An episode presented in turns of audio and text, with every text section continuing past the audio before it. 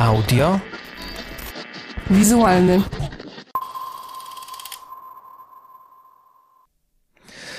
E, Dzień dobry lub dobry wieczór, wita się Karol Szafraniec. Kolejny odcinek podcastu audiowizualny. Podcast jest o filmach i szeroko rozumianej kulturze audiowizualnej, czyli o kinie, ale też o innych rzeczach, które się mm, słucha e, i ogląda, lub słucha lub ogląda. E, Zapraszam na ten kolejny odcinek, który pojawił się trochę z nienacka, mm, dlatego że miało być co innego teraz. Miało być, e, miało być omówienie pewnego filmu, który też był nominowany do ważnych Oscarów e, i połączenie tego z tematem muzycznym. To jeszcze się pojawi w najbliższym czasie. E, Natomiast no, e, ostatnio podcast znowu trochę zniknął. e, Była kwestia ukraińska i szczerze mówiąc nie miałem takiego poczucia, żeby właściwym było w tym momencie nagrywanie czegoś na temat filmów. No ale też jest tak, że mm, Ukraina, wojna w Ukrainie się dzieje a e, warto się też zajmować troszkę czymś innym i cieszyć się tym, że wciąż e, żyjemy w świecie, w którym możemy zajmować się innymi rzeczami, e, możemy zajmować się kulturą i możemy też czasem zajmować się nawet różnego rodzaju mniej znaczącymi rzeczami. Żeby mieć pewną równowagę, trzeba się trzymać również tego. Natomiast no, nie miałem tym razem w planach nagrywania odcinka pooscarowego. Ale e, Oscary okazały się e, wywoływać tak duże emocje, także we mnie te ostatnie, że postanowiłem jednak skomentować to, co się wydarzyło w Los Angeles e, w nocy z niedzieli na poniedziałek. Tytuł odcinka Oscarowa Furia, dlatego że Furia kojarzy się i będzie się kojarzyć bardzo chyba z tym, co wydarzyło się podczas tej edycji. Będzie się oczywiście kojarzyć przede wszystkim z furią Willa Smitha, który postanowił wejść na scenę i pokazać fizycznie Chrisowi Rockowi, co myśli o jego dowcipie na temat e, fryzury i choroby e, jego żony. E, To jest oczywiście rzecz, o której wszyscy mówią, która stała się mm, tematem komentarzy, tematem memów, tematem mm, bardzo budzącym zresztą różne opinie, bo generalnie rzecz biorąc to, co Will Smith zrobił, mm, było no jednak dość mocnym akcentem przemocowym i coś takiego chyba nigdy, no na pewno nigdy się nie wydarzyło wcześniej podczas e, gali Oscarowej. Był taki moment podczas tej gali, kiedy zrobiło się naprawdę nieprzyjemnie. I to nawet nie w momencie, kiedy Will Smith e, przyłożył Chrisowi Rockowi, też nie zrobił chyba tego w sposób jakoś specjalnie mocny czy brutalny, ale był taki moment, kiedy właściwie wiele osób zastanawiało się na sali, czy to był żart i myślę, że przed, przed e, telewizorami czy innymi ekranami również. Nawet w momencie, można to zauważyć w powtórkach, w momencie, kiedy Chris Rock został już uderzony, cały czas był śmiech. On sam zresztą e, odbierał to jako być może pewnego rodzaju żart. I jakoś niespecjalnie go zbiło z pantałyka to, co Will Smith zrobił. Być może Chris Rock uznał też, że to jest pewna część show. Natomiast kiedy Will Smith wrócił na swoje miejsce i e, Chris Rock próbował zachować dobry humor, e, to Will Smith krzycząc do niego wulgarnie, mm, dość mu na to nie pozwolił i to wtedy zrobiło się naprawdę nieprzyjemnie i wtedy wszyscy poczuli, że to nie są żarty. E, I to była taka atmosfera, której ja nie pamiętam nigdy e, z czasów ceremonii Oscarowej. E, No, z jednej strony oczywiście dyskusje, które będą wokół tego, e, będą bardzo różne, ponieważ już się dyskutuje tutaj na temat tego, co właściwie jest przemocą, jakie są granice żartów, czy Will Smith miał prawo to zrobić jako też rodzaj rycers- rycerskiej obrony swojej żony, natomiast inni absolutnie uważają Inaczej, e, ja przychylam się na przykład do tego, o czym pisze Katarzyna Czajka-Kominiarczuk, czy Zwierz Popkulturalny. W jej wpisie na ten temat jest bardzo dużo takiej goryczy związanej z tą atmosferą, którą Will Smith wprowadził do tej, do tej e, ceremonii. Jak bardzo to też ukradło ważne momenty, ważne momenty, które mogły być pamiętane, które mogły być e, wzruszające. E, I ja się raczej do tego przyczyniam. Will Smith, moim zdaniem, przychylam się do takiej właśnie opinii. E, Will Smith e, od początku zachowywał się zresztą dziwnie, kiedy były takie żarty z tym, że mm, prowadzące prosiły na scenę przystojnych mężczyzn. E, To był również żart taki dość ryzykowny, ale jednocześnie przewrotny, jakoś tam w sposób zabawny, ale dotkliwy, pokazujący seksizm wobec kobiet i teraz potraktowano mężczyzn w podobny sposób, jak traktowano kobiety wcześniej.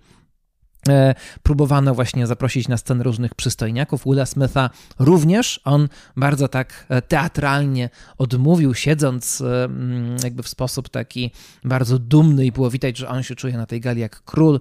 On tutaj przyszedł wygrać Oscara i było w jego zachowaniu, jak czasami pokazywała kamera na niego, coś niepokojącego właściwie już od samego początku. Potem podobno udobruchał go Bradley Cooper i Denzel Washington, no a potem Will Smith w końcu dostał tego swojego Oscara mm, za najlepszą rolę pierwszoplanową i to budziło już pewnego rodzaju dziwne emocje, że ten negatywny bohater tej gali na końcu staje się pozytywnym, który w dodatku próbuje się jakoś odkupić i było bardzo łzawe przemówienie o tym, że Will Smith czuje się wybrany do Boga, przez Boga do robienia tego, co robi, a e, w częścią tego, co robi, jest właśnie ratowanie najbliższych, chronienie swojej rodziny. Dziwne to było wystąpienie też dlatego, że było bardzo megalomańskie pod względem długości. Will Smith nie liczył się z niczym, mówił bardzo, bardzo długo e, i to było nie fair wobec tych, którym przerwano na przykład e, ich przemowę oscarową bardzo szybko. E, tutaj zwłaszcza jeden był taki moment, który mi się bardzo nie podobał, ale do tego jeszcze dojdę. No więc e, Will Smith, e, jego furia zostanie zapamiętana. Będzie tutaj śledztwo zresztą Akademii. Śledztwo takie prawne, zewnętrzne nie odbędzie się, ponieważ policja dała możliwość Chrisowi Rockowi zgłoszenia tego incydentu. Wtedy zaczęto by mm, w jakiś sposób badać sprawę Willa Smitha. Chris Rock, słusznie zresztą pewnie, odmówił mm, czegoś takiego. Natomiast Akademia, jak się okazuje, przyjmie jednak jakiś tok e, śledczy wewnętrzny w tej sprawie i nawet nie wiadomo, czy Will Smith nie zostanie z Akademii relegowany albo nie zostanie mu odebrany ten Oscar, którego teraz dostał, więc to było ciekawe. Will Smith zresztą oficjalnie przeprosił, no, ja rozumiem też, że tutaj gdzieś były jakieś emocje. Myślę, że dobrze, że prze, prze, przeprosił, ale było naprawdę nieprzyjemnie przez chwilę. E, no, ale mm, wracając do innych tematów, e, to mm, takich rzeczy, które między innymi Will Smith przygasił swoją osobą, było to, co zdarzyło się zaraz później, bo zaraz po mm, tym, kiedy on przywalił Chrisowi Rockowi, no to Chris Rock wręczał nagrodę za najlepszy pełnometrażowy film dokumentalny i tę nagrodę dostał Questlove e, za swój film Summer of Soul, czyli bardzo ważny i bardzo piękny dokument o tak zwanym czarnym Woodstock, o festiwalu muzyki, festiwalu kultury w Harlemie w 1969 roku. E, znakomity dokument, niektórzy uważają, że to jeden z najlepszych w ogóle filmów ubiegłego roku, jaki pojawił się w kinach. Pojawił się także w polskich kinach, ale był bardzo niewielu grany, być może było bardzo niewielkie zainteresowanie tym filmem e, ze strony polskiej publiczności, co jest bardzo ciekawe też. Stosunek e, polskich słuchaczy muzyki do czarnej muzyki, do starej czarnej muzyki był moim zdaniem bardzo problematyczny. Bardzo ciekawie było też od tej strony jakby przeanalizować tę mm, sprawę, ale Summer of Soul to na pewno jeden z tych filmów, który absolutnie zasłużenie dostał nagrodę. To też przecież ważny film, ważny moment dla mm, czarnoskórej, czarnoskórej kultury e, amerykańskiej dla tej publiczności. E, I szkoda właśnie, że też tak ważny moment został e, tak bardzo przygaszony. Questlove zaczął mówić, nagle się transmisja zresztą, przynajmniej w polskiej, w polskim przekazie zaczęła rwać, nie wiadomo czemu i jakby pewnie nikt zupełnie nie zwrócił uwagi na to, co się stało przy okazji nagrody dla tego dokumentu. A szkoda też dlatego, że ta nagroda dla Questlowa, nagroda dla Summer of Soul to jedna z tych nielicznych, bardzo dobrych decyzji, które w tym roku się pojawiły. Mm, I tutaj dochodzimy do furii prowadzącego, czyli do mojej furii. Oczywiście ja nie będę tutaj mm, aż tak zdenerwowany, jak był Will Smith i te Oscary może furii we mnie nie wywołały, ale na pewno wywołały pewien rodzaj złości i pewien rodzaj zdenerwowania. E, jest ewidentnie coś, co nie podobało mi się podczas tej gali. Jestem rozczarowany zarówno samą galą, jak i przede wszystkim wynikami. Moim zdaniem to najsłabsze Oscarowe wyniki od lat. E, bardzo trudno jest tak naprawdę oceniać e, to, jak Akademia się zachowuje, jeśli chodzi o to, kogo wybiera, a kogo nie wybiera, bo to są bardzo demokratyczne wybory. Tak naprawdę to jest bardzo, bardzo wiele osób z całego świata, tak naprawdę, ze wszystkich branż filmowych. I to jest bardzo ciekawe, że jeśli chcemy demokracji, no to te e, Oscarowe nagrody to właściwie jest jedna z najbardziej demokratycznych, takich prestiżowych nagród artystycznych artystycznych, jakie w ogóle istnieją, więc do kogo tu mieć pretensje tak naprawdę, jeśli nam się nie podobają jakieś e, wybory. No ale mam wrażenie, że w tym roku nominacje były bardzo ciekawie poprowadzone. Był jeden z najciekawszych nominacji od lat.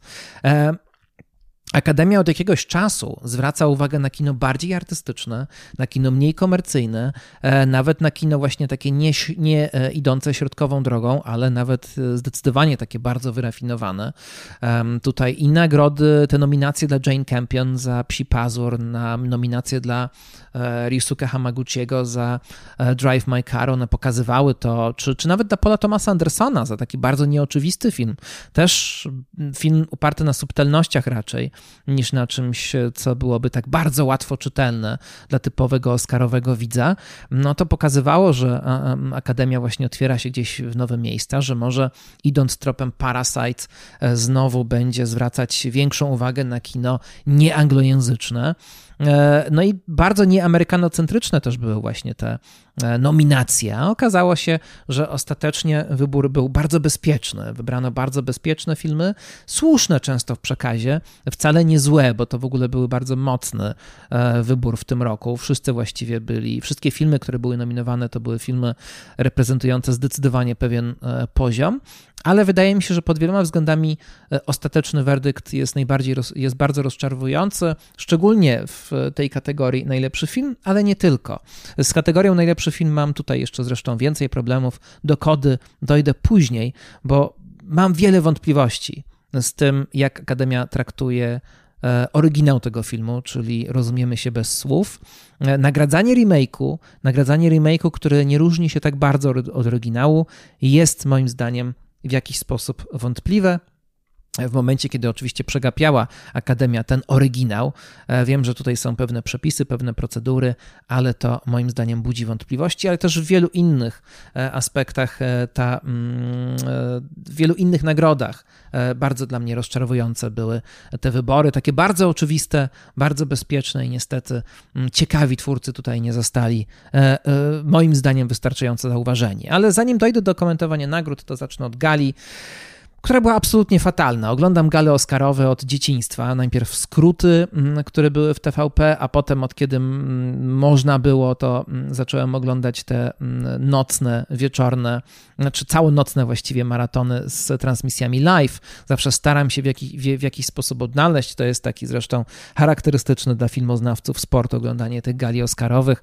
Nawet jeśli ktoś do Oscarów ma dystans i nie przyjmuje się tą nagrodą bardzo albo nią trochę niby gardzi, to jednak wszyscy wszyscy e, pokornie raz w roku e, nie śpimy przez całą noc i oglądamy to czasem z zażenowaniem, a czasem z poczuciem satysfakcji, ale ja tak dużego zażenowania jak w tym roku nie czułem nigdy.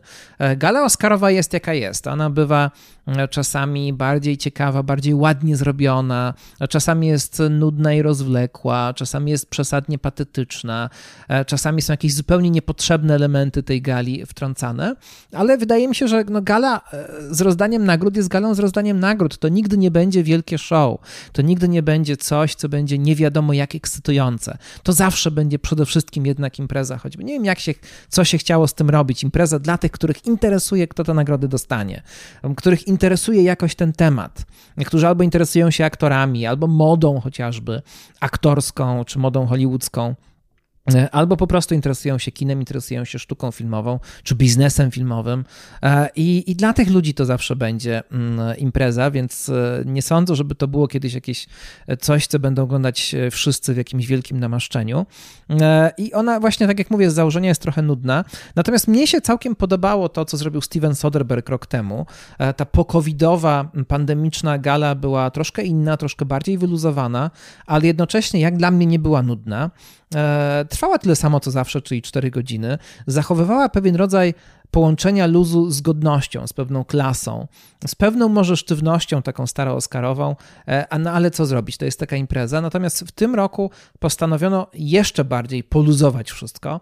Część publiczności siedziała sobie e, przy, e, przy stolikach, część siedziała normalnie, bardzo było dużo takiego schodzenia ze sceny, no i wszystko było w takim sosie bardzo popkulturowo luźnym. Nie było orkiestry, tylko był DJ, co akurat może być całkiem fajnym pomysłem, ale atmosfera atmosfera cała tych Oscarów, sposób w jaki były prezentowane nagrody, w jaki zapowiadano różne rzeczy, zamiast e, Oscary przypominało raczej e, taki styl wyluzowanego popkulturowego show, e, jak to znamy raczej z nagród MTV niż z Oscarów dotychczas. No i to było dość specyficzne, ale moim zdaniem zupełnie nieudane. To znaczy, miałem wrażenie, że ten luz został narzucony na siłę trochę wszystkim e, i że wszyscy musieli się w takim bardzo wyluzowanym stanie odnaleźć, chociaż wcale nie wszyscy się w tym dobrze czuli. Jednocześnie gala była straszliwie chaotyczna i ten luz był wysilony. Moment na przykład in memoriam, kiedy wspominano, wspominano tych, którzy umarli, który był zrobiony na taką pocieszającą jakby atmosferę e, z muzyką gospel w tle dla mnie zupełnie nie wypalił. E, dynamiczność tej gali była pozorna, bo i tak trwało wszystko tak samo długo jak zawsze.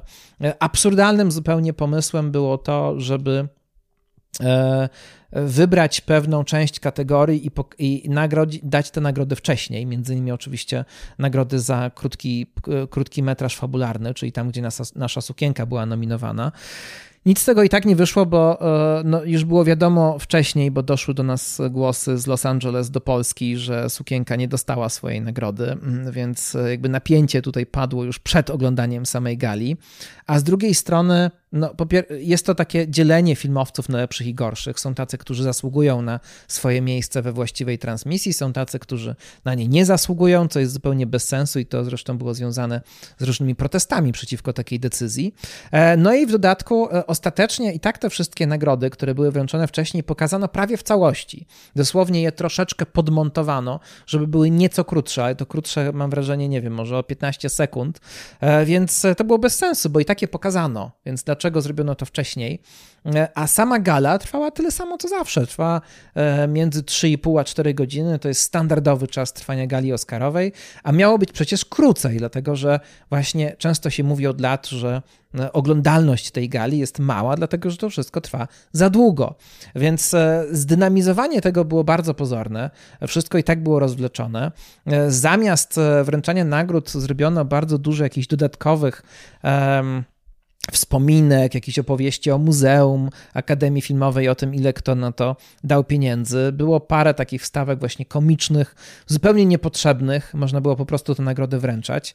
Mam wrażenie, że Akademia tutaj stoi przed potężnym dylematem. Po pierwsze, Trzeba się zastanowić, po co, te, po co są Oscary. Czy Oscary same w sobie też mają być show?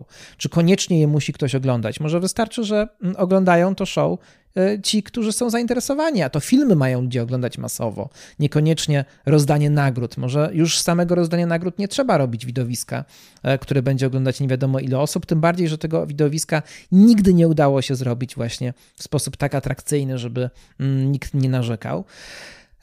Pomysły takie jak oddanie głosu internautom i głosowanie na mm, najlepszy film roku przez internautów też były idiotyczne, ponieważ zostały bardzo szybko strollowane i to w sposób nieszkodliwy, a bardzo zabawny. Ostatecznie e, film Zaka Snydera tutaj wygrał, Kopciuszek Amazona na drugim miejscu. Wiadomo było, że tutaj specjalnie głosowano na filmy, które niekoniecznie są udane e, i które zupełnie nie mają nic wspólnego z Oscarami, więc ten trolling sprawi, że chyba już nie powróci e, taki pomysł na e, nagrodę internautów. E, natomiast e, wydaje mi się też, że mm, telewidzowie chcą oglądać, ci, którzy są zainteresowani Oscarami, chcą oglądać rozdanie nagród. Ludzi interesuje to, kto te nagrody dostanie. Ludzie obstawiają, e, biorą udział w różnego rodzaju quizach, w różnego rodzaju zabawach. I mnie się wydaje, to jest taka moja nieśmiała propozycja, że jeśli chcemy, czy Akademia chce, żeby więcej osób oglądało Oscary, to skróćmy wszystko to, co nie jest rozdaniem nagród. Niech te nagrody będą rozdawane w większej ilości, w bardziej skondensowanej formie, żebyśmy się wszyscy szybciej dowiedzieli, kto dostaje, a żeby skrócić jakby te wszystkie elementy takiej autocelebry mm, tego świata, które wcale nie są tak bardzo mm, interesujące.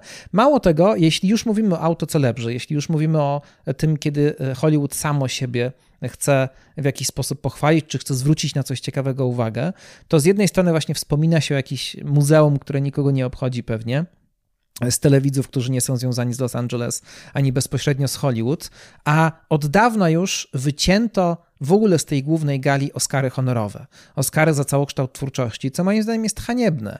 Przecież to byłoby niezwykle ciekawe, jeśli już mamy coś przypominać, to przypominać te osoby, które te Oscara dostały. Dlaczego je dostały? E, to jest bardzo ważne, bardzo mm, interesujące. W tym roku trzy takie honorowe Oscary, bo ich nagle się zrobiło więcej. Samuel L. Jackson za mm, jakby całą swoją postawę. Elaine May, bardzo mało znana osoba, komiczka, reżyserka, aktorka, scenarzystka. No, czy nie byłoby ciekawie zamiast jakichś różnych dziwnych wstawek pokazać Elaine May w tej głównej e, ceremonii, w tej głównej transmisji i powiedzieć masom, które to oglądają, kim właściwie ona jest, a tak zupełnie jakby gdzieś ona zniknęła w tle. No i Liv Ullman. Liv Ullman, wybitna szwedzka aktorka, e, partnerka e, Bergmana, znana przede wszystkim z jego filmów, ale nie tylko. Niezwykła postać, która gdzieś została pokazana w tle dosłownie przez chwilę w czasie tej gali, a przecież Jessica Chastain dostała w tym roku Oscara za rolę w oczach Tammy Faye. Jessica Chastain bardzo dużo wspólnego ma z Liv Ullman ostatnio, grała w nowej wersji e, scen z życia małżeńskiego. W związku z tym udzieliła wielu wywiadów razem z Liv Ullman. Czy nie byłoby pięknie, gdyby podczas tej głównej gali Jessica Chastain wręczyła tego honorowego Oscara Liv Ullman i w ten sposób jakby na naszych oczach dokonałaby się pewna historia. To jest bardzo hollywoodzkie, to jest celebrujące historię kina, to jest mówiące coś o Hollywoodzie i o tym, jak Hollywood łączy się z Europą.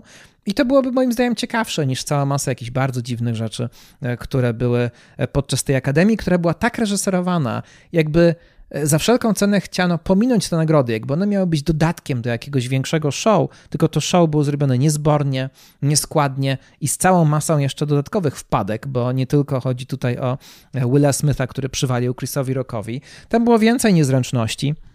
Jedną z takich najsłynniejszych, o których często dzisiaj mówi się w o których dzisiaj bardzo dużo mówi się w mediach, jest to, co stało się z piosenką Toto, z piosenką Afrika w wykonaniu Toto.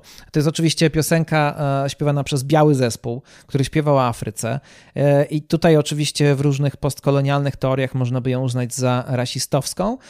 Ale nawet jeśli nie będziemy ją uznawać za rasistowską, to kontekst, w jakim ona się pojawiła, był bardzo dziwny, ponieważ na scenę wkroczyli w pewnym momencie Daniel Kaluuya, nagrodzony w tamtym roku, e, i piosenkarka Hair, też nagrodzona w tamtym roku za piosenkę.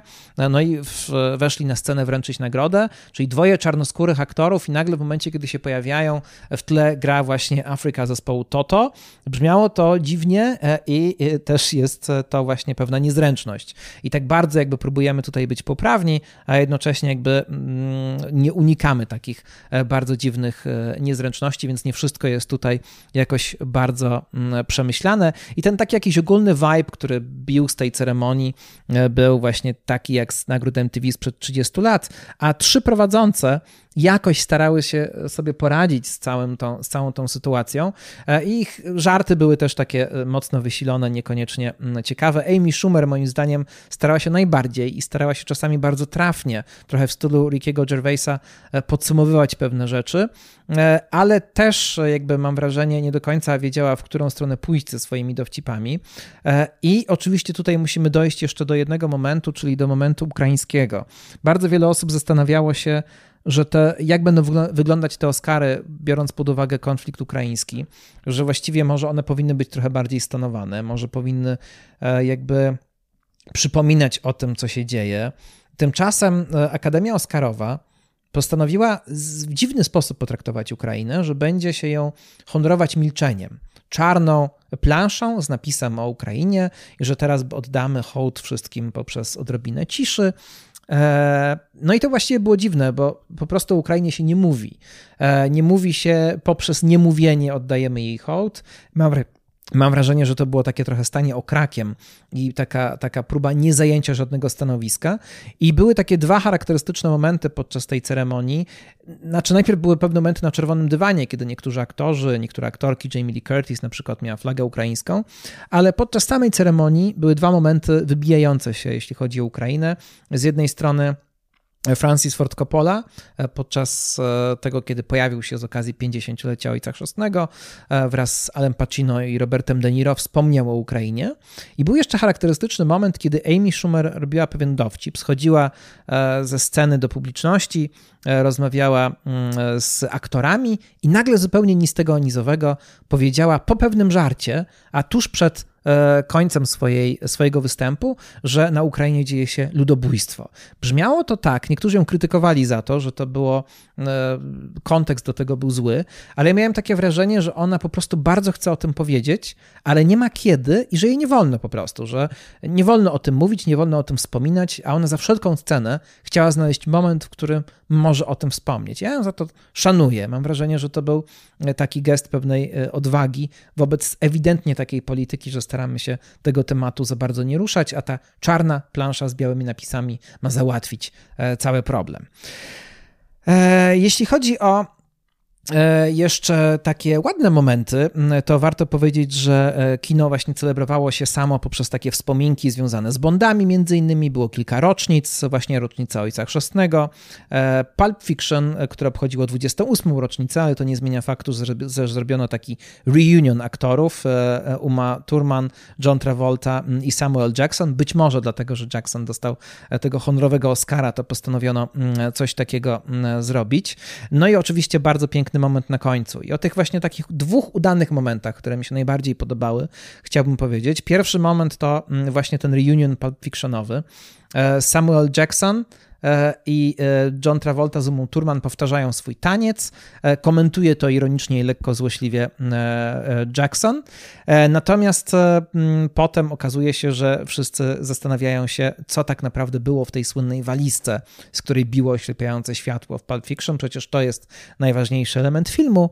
No i szybko okazało się, że w tej walizce jest e, informacja, koperta z informacją o mm, tym, kto dostał nagrodę za najlepszego pierwszoplanowego aktora. I to było bardzo ładnie zrobione, bardzo mi się ten moment podobał.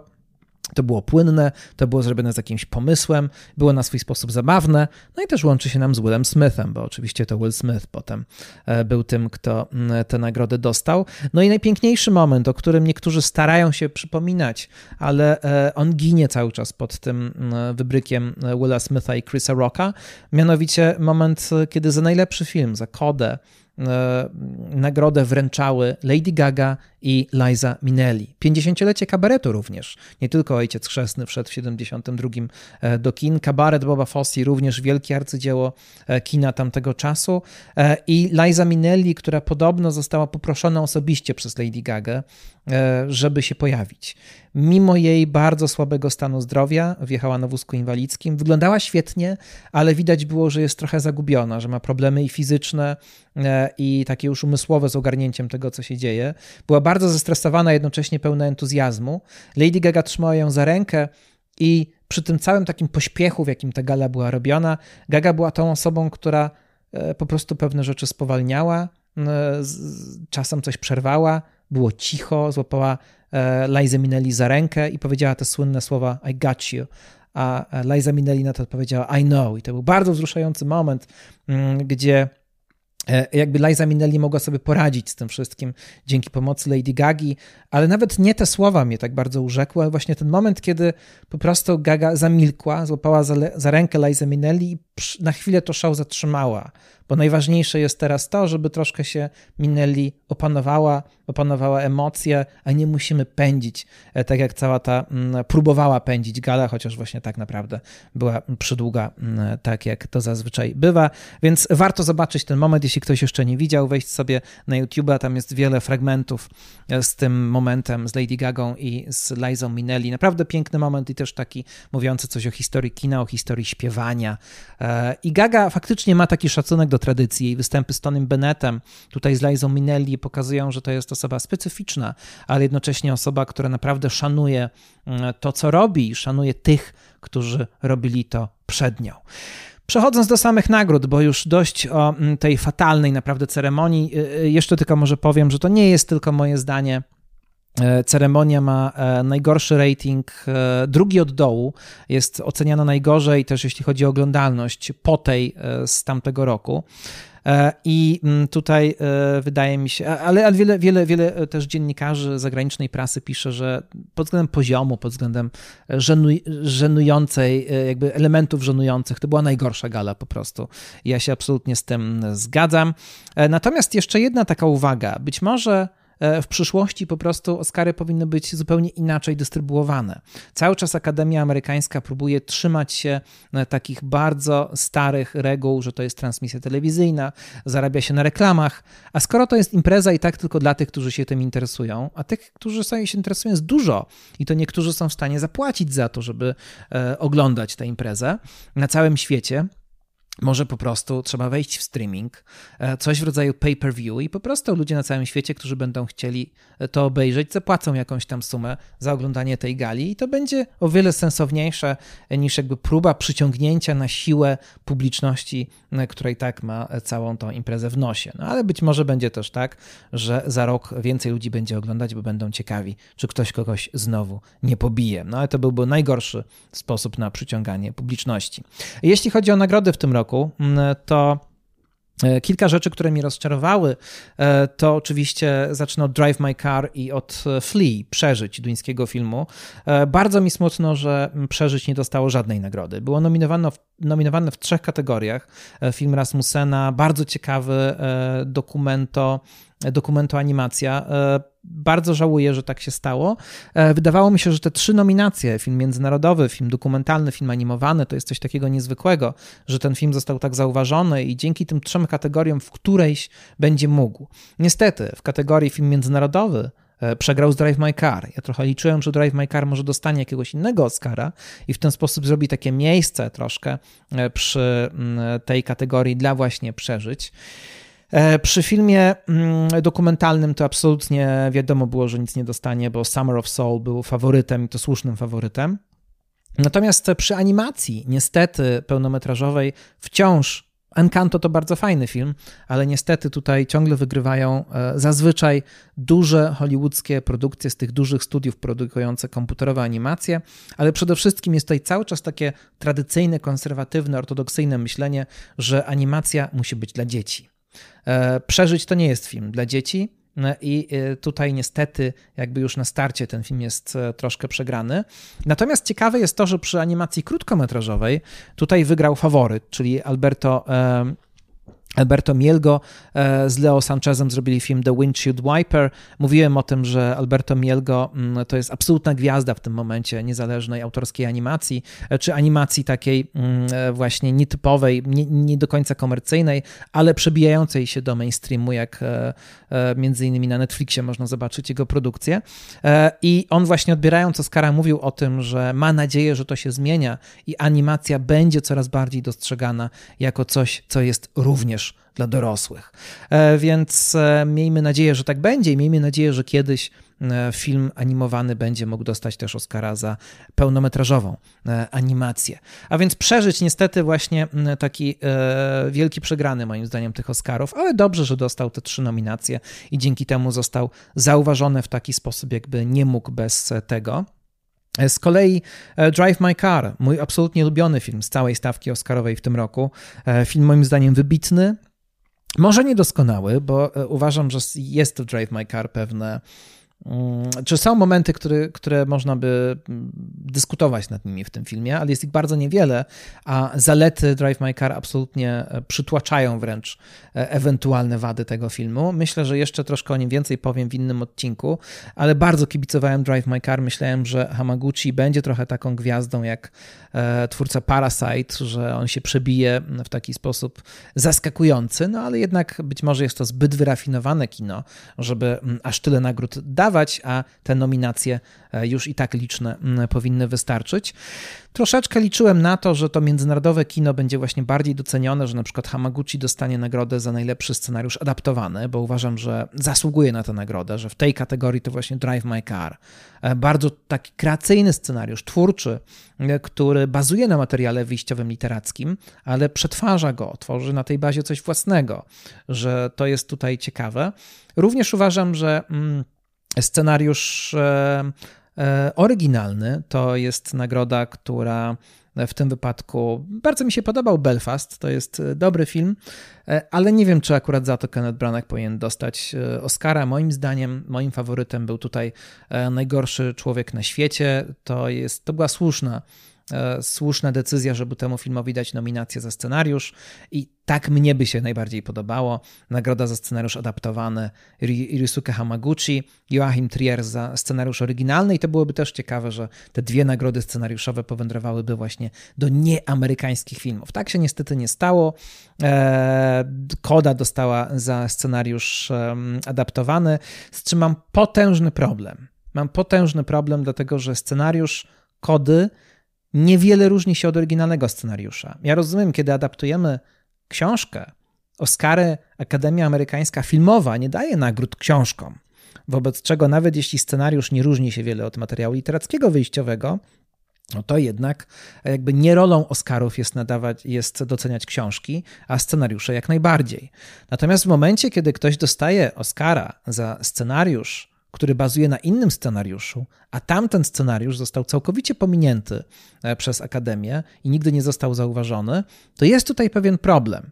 E, bo dlaczego jeden film e, doceniamy, kiedy on jest wersją innego filmu, nieznacz, nieznacznie różniącą się wersją innego filmu, a tamten film zupełnie przez nas nie został zauważony. Jest tutaj potężny problem, to jest mój główny problem zresztą z nagrodą dla Kody. Ja do niego jeszcze wrócę. Bardzo rozczarowała mnie nagroda za muzykę.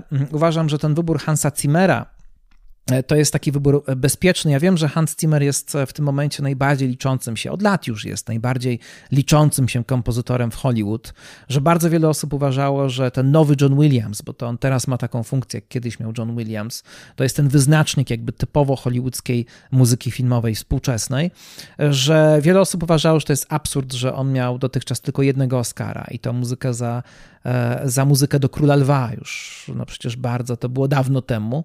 E, i że później nic nie dostał, że to jest nie fair. Muzyka w Dune jest inna oczywiście, Zimmer tutaj troszkę eksperymentuje, ale jak dla mnie to nie jest ciekawa muzyka. E, Zimmer, kiedy eksperymentował bardzo ciekawie, to wtedy, kiedy współpracował z Nolanem. Jakoś Christopher Nolan potrafi obudzić w Hansie Zimmerze, moim zdaniem, jeszcze jakieś takie nowe pokłady twórczej energii. Muzyka do, do Batmanów, muzyka do e, Interstellar, muzyka do Incepcji, czy do Dunkierki zwłaszcza moim zdaniem, e, jest e, bardzo ciekawa i to za tamtą ścieżki dźwiękowe powinien był dostawać Oscary moim zdaniem, no, czy kiedyś za ścieżkę dźwiękową do Gladiatora na przykład. No a teraz nagradzanie go za muzykę, która jest moim zdaniem bardzo generyczna, dziwna, głośna, niby eksperymentująca, ale tak naprawdę bez jakichś większych pomysłów. I nie mam wrażenia, nie robiła na mnie szczególnie ta muzyka wrażenia. E, myślę, że Johan Johansson zrobiłby coś o wiele ciekawszego do Dune niż to, co zrobił Hans Zimmer. Raczej mnie irytowała czasem ta jego taka głośna papka dźwiękowa, która w Dune się pojawia. Ja z z Dune w ogóle mam więcej problemów e, i o tym też e, jeszcze wspomnę. Natomiast bardzo tutaj liczyłem na Johnny'ego Greenwooda. Johnny Greenwood to zupełnie niesamowita postać. To Kolejny kompozytor muzyki filmowej, który jest z zespołu rockowego e, i który mógł się świetnie wykazać jakby swoim warsztatem kompozytora czerpiącego e, z nieoczywistych technik muzyki poważnej. E, dzisiaj pogrzeb Krzysztofa Pendereckiego, a przecież Johnny Greenwood bardzo bazuje na tym języku muzycznym, który Penderecki stworzył i oczywiście go upraszcza bardzo, ale wniósł do filmu, teraz również do kina bardziej mainstreamowego bardzo dużo ciekawych rozwiązań dźwiękowych, bardzo nieoczywistych Trzy filmy przecież w tym roku z jego muzyką. Licorice Pizza, e, film o księżnej e, Dianie, e, czy właśnie Power, Power of the Dog, Psi Pazur. I myślę, że słusznie wybrano jednak ścieżkę dźwiękową z Psiego Pazura, ale myślę też, że Psi Pazur to jest film w dużym stopniu oparty na muzyce. Muzyka Johniego Greenwooda odgrywa tam potężną rolę, w dużym stopniu to ona tworzy pewien rodzaj nastroju, e, to ona mm, jakby zgrywa się ze zdjęciami, zgrywa się z tempem tego filmu i bardzo dużo ta muzyka opowiada. E, I bez niej ten film byłby dużo bardziej suchy i moim zdaniem byłby dużo słabszy, dużo gorszy. E, I bardzo uważam, trzeba było po prostu gdzieś tego Greenwooda zauważyć. E, ważny kompozytor, o wiele ciekawszy niż to, co Hans Zimmer zrobił w Dune. E, ze zdjęciami też mam problem, bo Greek Fraser to Ciekawy operator na pewno. Na pewno operator bardzo spektakularny. Ale ja mam pewien problem i z jego zdjęciami do Dune, e, no i mam też jego problem z jego zdjęciami do mm, najnowszego The Batman. One są niezwykłe, one robią potężne wrażenie, ale ja jakoś mam do Frasera pewien dystans. Wolę innych operatorów i na pewno wolę też inne zdjęcia, które w tym roku były ważne. Zdjęcia do Psiego Pazura, zdjęcia do e, Macbeta. Tragedii Macbeta w reżyserii Joela Coena to dla mnie byli faworyci. Natomiast oczywiście zdjęcia w Dune są niesamowite, e, ale jednocześnie są jakoś, tako, jakoś takie coś jest sterylnego w estetyce tego filmu. W ogóle w całej Dune jest coś sterylnego. Nie chcę e, na razie e, zbyt oceniać tego filmu, bo ja jestem bardzo ciekaw, jak będzie wyglądać całość. Być może pewne rzeczy zasygnalizowane w pierwszej części Duny wybrzmieją dopiero kiedy obejrzymy całość e, i jestem tego bardzo ciekaw, więc wstrzymuję się tak naprawdę z oceną, ale nie zachwyciła mnie na razie ta pierwsza część Duny. Mam z tym filmem różnego rodzaju problemy, ale na pewno trzeba powiedzieć, że i zdjęcia, i ten taki ceremonialny nastrój, który jest w tym filmie, powolność i zarazem jego spektakularność, to oczywiście są zasługi tych wszystkich ludzi, którzy ten film robili w pionie technicznym, ale wszyscy wiemy, że to jest przede wszystkim zasługa reżysera e, Denisa Villeneuve'a, e, który ma taki styl i który jakby to nie Greg Fraser lubi tego typu ujęcia i tego typu e, jakby monumentalność, tylko to jest styl właśnie Villeneuve'a, który razem z Fraserem tutaj znalazł pewien, pewien sposób realizacji takiego kina i dziwna rzecz, Denis Villeneuve nie był nominowany za najlepszą reżyserię. Kiedy ewidentnie te wszystkie poszczególne elementy Duny są takie, jakie są, dlatego, bo to on im nadał e, kierunek. I o tym wspominali wszyscy ci, którzy za Dune dostawali nagrody, liczne nagrody. Wspominali cały czas Villeneuve'a, że to dzięki niemu przecież wiedzieli, w którą stronę pójść, wiedzieli, jak to wszystko zrealizować. E, to na jego pomysłach estetycznych też bazowała całość. Tymczasem E, właśnie e, Villeneuve został pominięty. Bardzo to była dziwna decyzja. Być może chciano troszkę jakby zgodnie mm, z pewnymi tendencjami e, wskazać na tych, którzy są realizatorami pomysłów, a niekoniecznie na reżysera, który jest jakby taką postacią E, zbyt celebrowaną we współczesnej kinematografii. I nawet jeśli pójść troszkę za mm, tym tropem takiej dekonstrukcji idei reżysera jako wielkiego wizjonera, e, to jak najbardziej nagradać trzeba było pewnie tych ludzi z Duny, no to akurat w tym wypadku naprawdę Denis Villeneuve nie jest właściwą osobą do tego typu dekonstruowania, bo to naprawdę jest reżyser, którego jedni nie znoszą, inni kochają, ale on jest taki, jaki jest i ta Duna jest taka, jaka jest.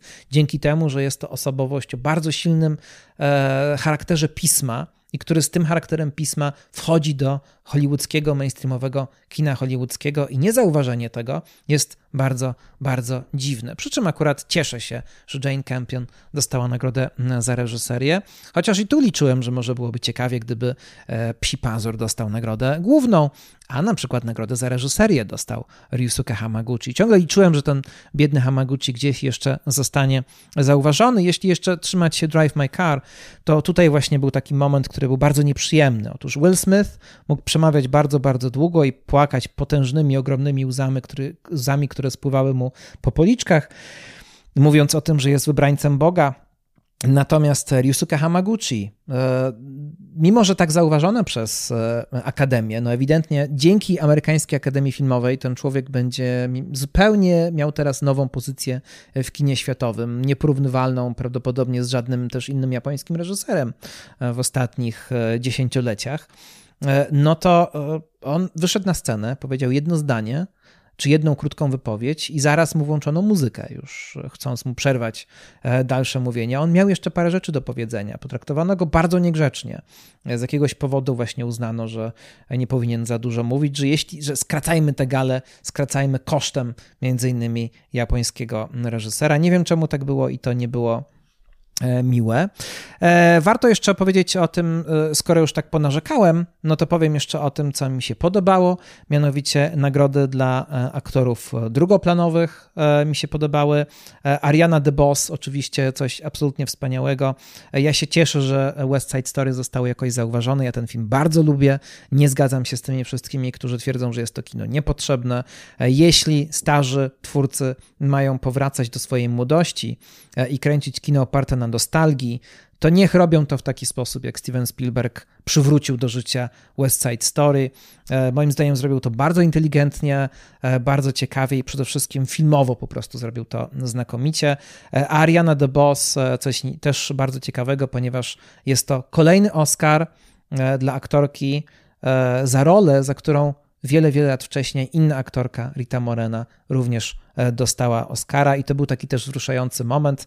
Dodatkowo też e, ważna rzecz, Ariana DeBose mówiła o tym, że jest pierwszą otwarcie queerową, e, niebiałą kobietą, która dostaje Oscara, więc to też miało tutaj taki swój wydźwięk społeczno-polityczny, mm, ale mnie się niesamowicie podoba ta relacja wewnątrzfilmowa, taka, że w świecie kina oto dwie aktorki grające te same role mogą się spotkać, odbierając za nią e, Oscara. No i wszyscy chyba też uważają, że Ariana DeBose była najważniejszą właściwie postacią e, aktorsko Obok Rity Moreny zresztą właśnie e, w nowej wersji West Side Story. No i Troy Kotsur to postać aktorska mm, z Kody, aktor głuchoniemy, aktor posługujący się językiem migowym, drugi e, w historii aktor e, mm, niesłyszący, który dostaje Oscara. E, I tutaj wszyscy mówili, niezależnie od tego, czy Kodę lubią, czy nie, że to jest absolutny pewniak, że on na tę nagrodę zasługuje. On tę nagrodę odebrał i myślę, że to jest absolutnie e, słuszna decyzja.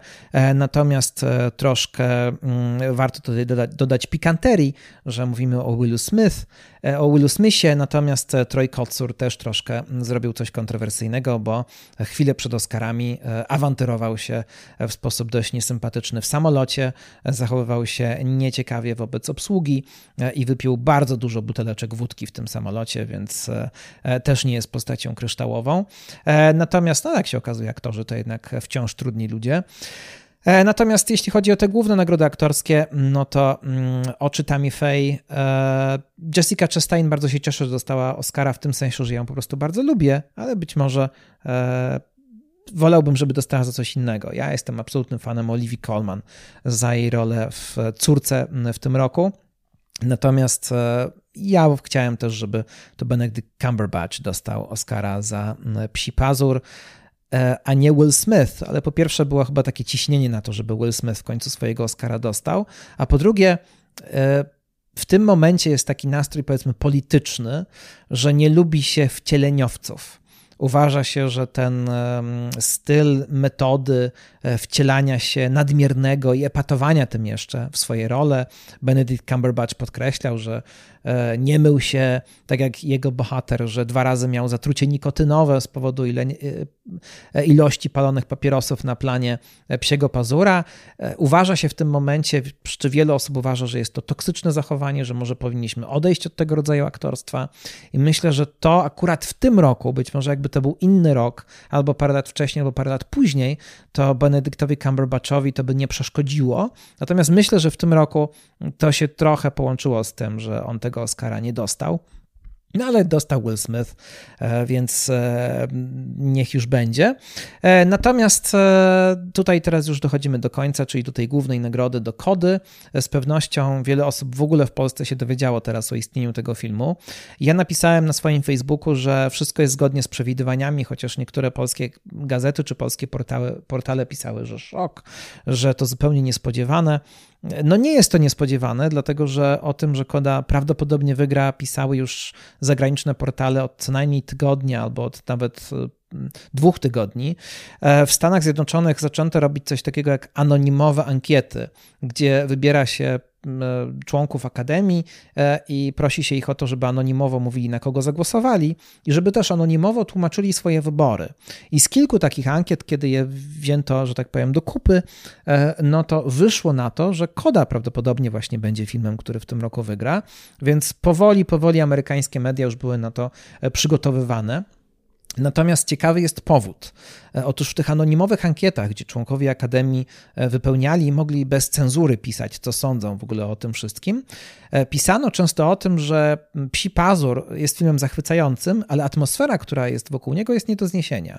Że jest to film przehypowany, że jest to film, który, wokół którego jest pewien rodzaj takiego kultu i troszkę jest takie namaszczenie wokół tego filmu, że jakby każe się wszystkim go szanować, wszystkim go podziwiać, tymczasem tymczasem no nie wszyscy go podziwiają. Oczywiście, tak jak mówiłem, są tacy, którzy uznają jego wybitność i te, ta ilość nominacji nie bierze się z niczego, ale w pewnym momencie było takie podobno zmęczenie wśród członków Akademii tym ciśnieniem związanym z tym filmem i postanowili iść w zupełnie inną stronę.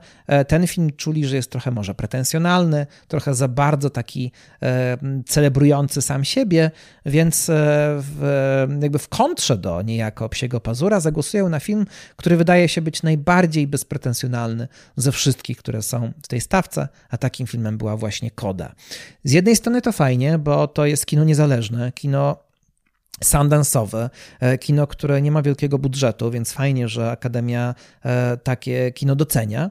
No ale z drugiej strony, i tutaj dochodzę do tego mojego potężnego problemu, który mam z tą nagrodą, a który jakby bardzo mało jest e, zauważany przez polskie czy przez amerykańskie media, być może właśnie dlatego, że jest to e, przykryte przez tą aferę z Willem Smithem, ale już o tym mówiłem wcześniej w tym odcinku, że ja mam problem z nagradzaniem remake'u, który tak bardzo niewiele się różni od oryginału, podczas gdy ten oryginał zupełnie nie był zauważony. Koda różni się troszeczkę od e, filmu francusko-belgijskiego Rozumiemy się bez słów. Opiera się na tym samym pomyśle, e, ma te same zwroty akcji, dramaturgia jest tak samo budowana. Najważniejsze takie sceny, które wiele osób pamięta, często przytacza, są w obu tych filmach. Różni te filmy trochę poczucie humoru, różni oczywiście sceneria, w której się te filmy odbywają. W innym środowisku oczywiście obracają się bohaterowie francuskiego filmu, w innym amerykańskiego. E, w amerykańskim filmie bardzo dbano o autentyczność. To ma znaczenie i myślę, że to jest ciekawe, e, dlatego że ten film dzieje się w środowisku rybaków e, z Massachusetts i faktycznie jakby twórczyni tego filmu poznała to środowisko, tam właśnie akcję umieściła, ale z takim szacunkiem dla tych, którzy tym się, że tak powiem, zajmują na miejscu. I myślę, że to jest w jakiś sposób ciekawe. E, natomiast e, ciekawe jest też to, i to jest takie bardziej autentyczne w tej amerykańskiej wersji, że w francuskim oryginale grali aktorzy słyszący, którzy znali język migowy, i podobno e, osoby niesłyszące osoby posługujące się językiem migowym wyczuwały w tym francuskim oryginale pewną sztuczność. Natomiast e, tutaj mieliśmy do czynienia absolutnie z osobami, e, które faktycznie nie słyszą, które na co dzień posługują się językiem migowym, więc wybrano aktorów z tego środowiska. To jest takie bardzo inkluzywne, ale jednocześnie artystycznie też działające na korzyść tego filmu, bo e, mamy autentycznych ludzi, jakby, którzy o sobie opowiadają. Tam bodajże tylko jeden aktor jest osobą słyszącą, a jednocześnie posługującą się językiem migowym. A Troy Kotsur e, nawet e, na etapie kręcenia tego filmu, przygotowywania się do niego, powiedział, że jeśli w tym filmie będą słyszący, udający niesłyszących, to on się z tego filmu wycofa. Więc ostatecznie mm, absolutnie w tą stronę mm, właśnie E, postanowili wszyscy pójść. E, jest jeszcze różnica związana z bratem głównej bohaterki. E, główna bohaterka w filmie francuskim ma młodszego brata, z czym są związane różne komiczne sceny, na przykład sceny też związane z erotyką, takie ryzykowne, po francusku pikantne, ale bardzo urocze. Natomiast w amerykańskiej wersji bohaterka ma brata starszego. Ale to są bardzo niewielkie różnice. No i to jest to pytanie, że tutaj nagle film amerykański dostaje E, trzy Oscary, w tym najważniejszy. E, scenariuszowy Oscar to też przecież Oscar bardzo ważny. No a ten oryginalny film został niezauważony. Oryginalny pomysł został zupełnie przemilczany przez Akademię wtedy, kiedy się pojawił. Jest tutaj jakiś zgrzyt. To jest pewnie temat do dyskusji na temat procedur przyznawania Oscarów. Natomiast ja po prostu zachęcam wszystkich do tego, żeby obejrzeć kodę, ale żeby też obejrzeć ten francuski oryginał, żeby troszkę pamiętać o tym, skąd tak naprawdę pomysł na cały ten film się wziął, a potem możemy dyskutować na temat tego, który z tych filmów jest lepszy e, i który z tych filmów e, podoba się nam bardziej. Także mm, jeśli chodzi jeszcze o te kwestie remake'ów, to mieliśmy oczywiście czasami najlepsze filmy nagrodzone Oscarem, które były remake'ami, ale na przykład historia z infiltracją Martina Scorsese, która była mm, adaptacją e, filmu hongkońskiego Infernal Affairs. E, no ale to były zupełnie różne filmy. Można by zrobić taką noc filmową, można by sobie zrobić podwójny seans, do czego zresztą zachęcam. Obejrzeć najpierw Infernal Affairs, a potem e, zobaczyć Infiltrację Martina Scorsese. To są filmy, które mają pewną bazę, pewien pomysł ten sam.